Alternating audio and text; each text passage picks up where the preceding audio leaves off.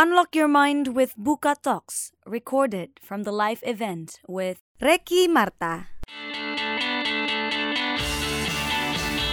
saya merasa ada panggilan yang sangat kuat, ada sebuah tanggung jawab yang datang dengan ilmu itu untuk dibagikan. Let's join the talks. Uh, sedikit bercerita tentang keadaan pendidikan Indonesia dan anak-anak Indonesia yang punya potensi. Luar biasa ya, semangatnya tinggi sekali ya, terlihat banyak motivasi. Uh, saya beruntung dapat kesempatan untuk mereka, bertemu mereka langsung di Bima, uh, di daerah Paradoani sebenarnya. Uh, anak-anak ini bisa sekolah SMA, tapi mereka jam 3 pagi hari Senin bangun jalan kaki selama satu jam ke kota terdekat yang ada angkot. Angkotnya cuma satu itu. Kalau terlambat akan nggak bisa sekolah. Lalu mereka pergi ke kota Bima untuk uh, masuk sekolah. Nanti hari Jumat pulang ke kampung, Sabtu dan Minggu bercocok tanam bersama keluarganya. Tidak terlihat ya uh, perjuangannya segitunya, tapi kalau diajakin ngomong semangat, mimpi, sekolah, mereka menggebu-gebu sekali. Dan ini saya menemui mereka di tahun 2017. Saya sendiri masih kaget akses pendidikan di Indonesia itu masih sangat terbatas. Uh, ini satu cerita yang dekat di hati saya juga, Adi Sugi, um, umurnya 18 tahun, masih pakai baju SD. Jadi adik Sugi ini tinggal di Musi Banyu Asin, uh, ketinggalan nggak sekolah selama tiga tahun. Tapi penasaran banget, suka baca buku, pengen sekolah uh, bapak sudah tidak ada, punya banyak adik uh, dan harus menghidupi keluarga. Dengan komitmen menjadi uh, penghasil mata pencarian, dia membuka warung di depan sekolah, jual gorengan dan buka warung. Kalau ada kelas, dia masuk, adiknya yang jaga. Jam istirahat dia jual gorengan, menghasilkan uang masih tetap dengan belajar. Jadi pulang ke rumah itu membawa ilmu dan membawa nafkah akhirnya tahun kemarin um, dengan gejolak yang sangat banyak dia bisa masuk SMP. Sekarang dia sudah di bangku SMP. Nggak um, bisa dipungkiri ini fakta yang membuat saya uh, selalu tergugah um, tentang Indonesia yang tercinta ini. Ada empat anak yang masih drop out of school setiap satu menitnya. Bayangkan saja, setiap menit. Saya sudah ngomong satu menit ada empat anak yang drop out of school. Um, ini data yang dikeluarkan pemerintah kita di tahun 2017, di mana ada 68 ribu anak Indonesia yang uh, tidak bisa menyelesaikan SD. Hampir satu juta yang lulus SD belum bisa meneruskan ke SMP.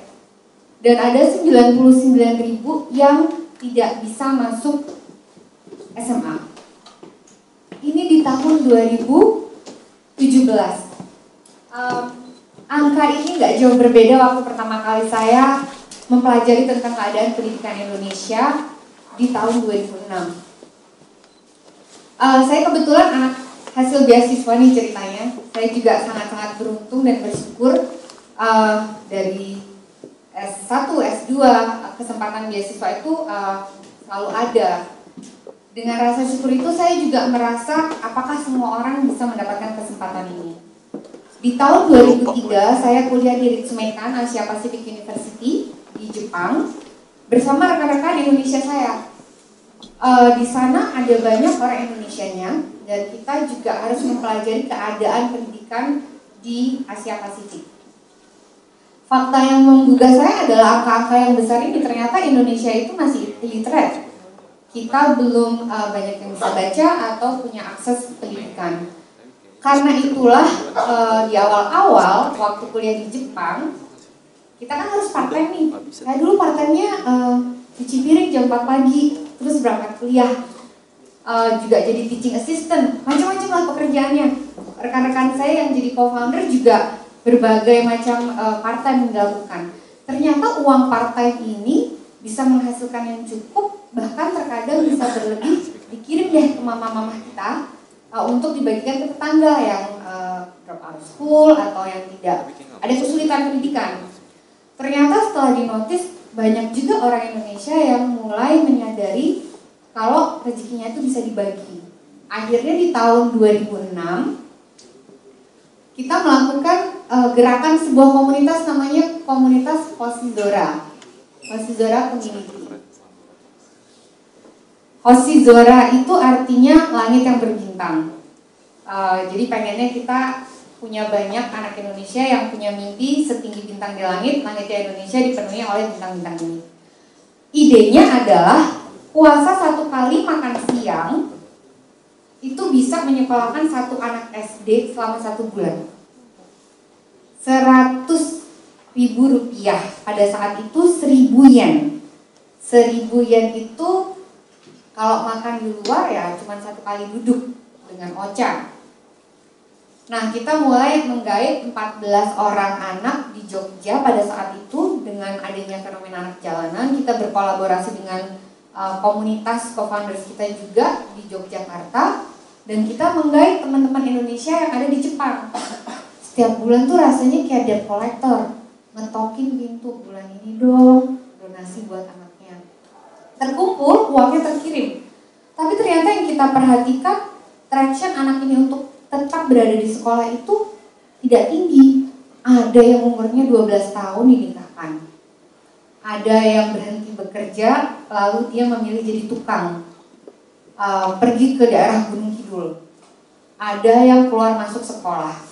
Dan saya merasa pada saat itu sebagai anak berumur 17 tahun juga ya, masih uh, masih muda lah di bawah umur 20 tahun. Kenapa sih uh, udah dikirim beasiswa tapi nggak uh, stay di sekolah? saat kita datang yang kita notice adalah program itu banyak yang memberi beasiswa. Apa yang membuat sebuah program itu sukses dan apa yang tidak sukses. Setelah mempelajari mengenal anak-anak ini, ternyata satu formula yang kita temukan adalah surat cinta. Biasalah kalau anak Indonesia keluar e, negeri sekolah itu banyak kangennya, jadi agak romantis gitu. Akhirnya semua yang memberi donasi ini kita wajibkan untuk menulis postcard semangat dari Jepang ke Indonesia. Ternyata bukan uangnya yang menahan mereka berada di sekolah, tapi adalah surat semangat tersebut. Dan banyak sekali cerita-cerita yang saya temui dari 2006 sampai hari ini yang membuat saya masih suka merinding. Ternyata surat yang kita tidak menghabiskan waktu lebih dari 5 menit menulis bisa merubah hidup seorang anak. Nah, eh, pemberi donasi lalu kita panggil kakak bintang, penerima donasi kita panggil adik bintang. Kita mulai dengan 14 orang anak di Yogyakarta sampai berkat komunitas rekan-rekan yang di Jepang, yang di Yogyakarta sampai hari ini berkat dukungan dari semua yang pernah bersinggungan dengan Zora, kita menyentuh uh, hidup 2009 anak. Ada di 41 area di Indonesia dari Saonek, Papua, um, Musi Banyu Asin, Kalimantan, Halmahera Utara, Flores, dan banyak di Pulau Jawa. Uh, pada saat ini kita punya 1274 uh, anak perempuan dan uh, 685 anak laki-laki. 661 dari 2000 anak ini sudah lulus. Dan yang bikin uh, membuat usaha ini sangat uh, rewarding itu melihat anak-anak yang sudah lulus SMA dia bisa dapat beasiswa untuk kuliah sebagian dari universitas terkemuka. Pada saat ini ada tiga adik bintang yang salah satunya itu lulusan terbaik ITB. Dan tahun kemarin pulang mengetuk pintu saya, Kak, saya mau ada di sini sekitar beberapa tahun untuk membangun program untuk adik-adik. Saya terpukau. Kamu bisa dapat pekerjaan yang lebih uh, menjanjikan di Jakarta, tapi mereka punya panggilan hati untuk kembali. Um, ada banyak cerita yang membuat saya merasa hubungan batin kakak bintang dan adik bintang ini bisa membuat Indonesia berubah. Um, beasiswa kita dari zaman 2006 sampai hari ini masih 100 ribu untuk anak SD. Kenapa? Karena kita ingin berbagi awareness, nggak harus kaya untuk bisa berbagi. Kalau kita nunggu jadi orang kaya dulu itu uh, mungkin target setiap orang berbeda. Tapi sekarang pun adik bintang yang sudah kuliah bisa menjadi kakak bintang. Karena ini penghematan 100 ribu per bulan ini mereka merasakan impactnya cukup besar ke adik bintangnya. Uh, dan kita di sini memberikan 80% dari uh, beasiswa ini untuk uh, biaya pendidikan, 20% kita reservasi untuk kapasitas building mereka. Nah, ini bukan beasiswa biasa, karena yang kita tanamkan di anak-anak ini adalah uh, kemampuan untuk menjadi leader yang berempati dan bisa pay it forward. Dalam artian, nggak perlu give back deh, pay it forward kepada anak selanjutnya. Jadi ada perkembangan sosial emotional learning yang memang secara kurikulum kita bangun supaya mereka bisa membangun executive functioning mereka, meningkatkan empati, bisa mengambil langkah yang bertanggung jawab dan menjadi pemimpin yang bisa memimpin yang lain dengan uh, dengan semangat yang tinggi. Nah, uh, kakak bintang dan adik bintang kalau zaman dulu tulis-tulisan surat, sekarang sudah bisa menggunakan ICT sistem kita, di mana kakak bintang itu yang hanya dia yang bisa melihat profil adik bintangnya dan bisa menulis surat kepada adik bintangnya di situ. Jadi ada scan surat menyuratnya. Ini contoh adik bintang saya yang uh, dari SD sampai sekarang. Uh, adik ini ada di uh, sebuah pulau terpencil di uh, timur Indonesia. Orang tuanya sudah menghilang sekitar 2 tahun sejak pindah ke Malaysia. Dia dibesarkan oleh komunitas. Uh, dia pada saat kita mengunjungi berpikir untuk berhenti sekolah dan bekerja saja. Lalu kita printkan surat kakak bintangnya dua lembar dan dia nangis berjam-jam uh, menyadari bahwa ada orang yang peduli meskipun orang tuanya tidak ada di situ. Dia mulai memutuskan untuk kuliah, uh, untuk SMA. Um, pertanyaan salah satu pertanyaan untuk presentasi ini adalah uh, apa yang membuat saya komit di Wasizora selama 11 tahun. Sebenarnya saya bekerja di Wasizora bersama rekan-rekan co-founder dan semua yang pernah bersama di Wasizora ini bukan karena merasa kita uh, oh jago banget memberikan sesuatu enggak di sini saya merasakan kita diberikan kesempatan untuk bertumbuh saya sebagai uh, seorang manusia merasa beruntung bersentuhan dengan anak-anak adik Rian Nur Hidayat yang di pojok itu uh, bapaknya tukang uh, seorang buruh di uh, daerah terpencil di Yogyakarta. Dulu surat-suratannya sama rekan saya di Michigan.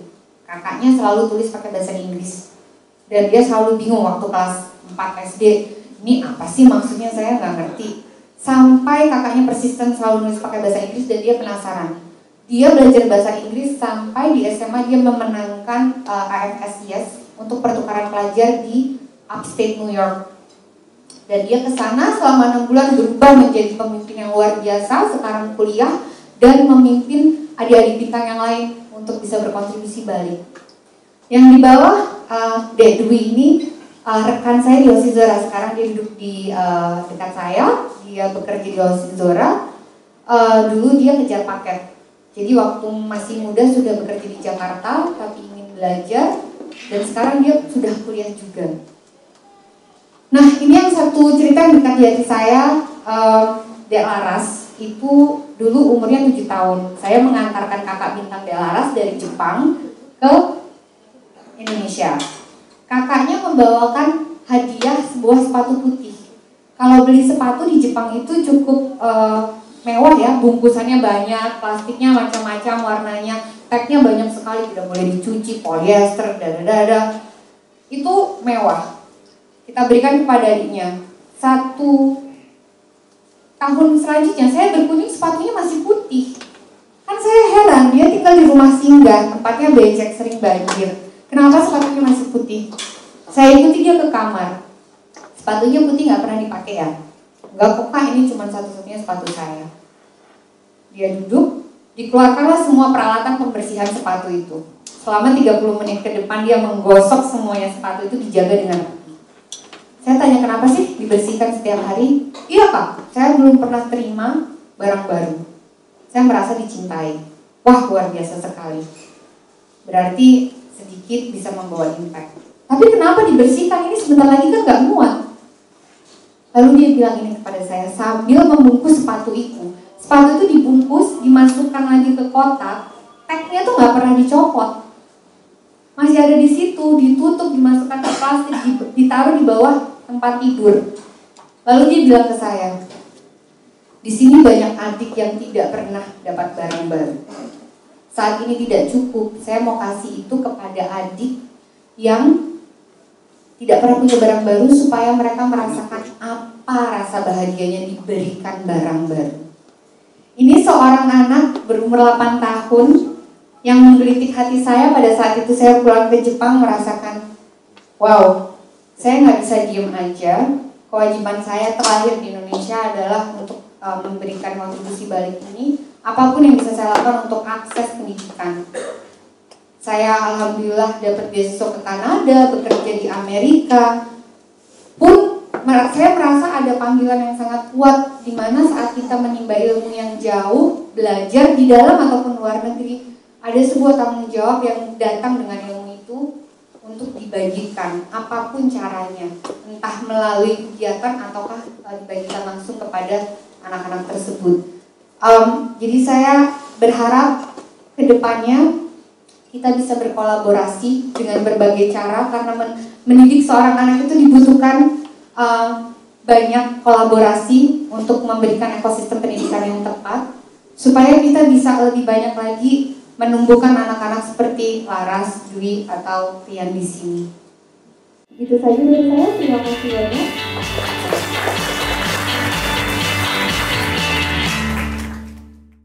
Buka aja, buka lapak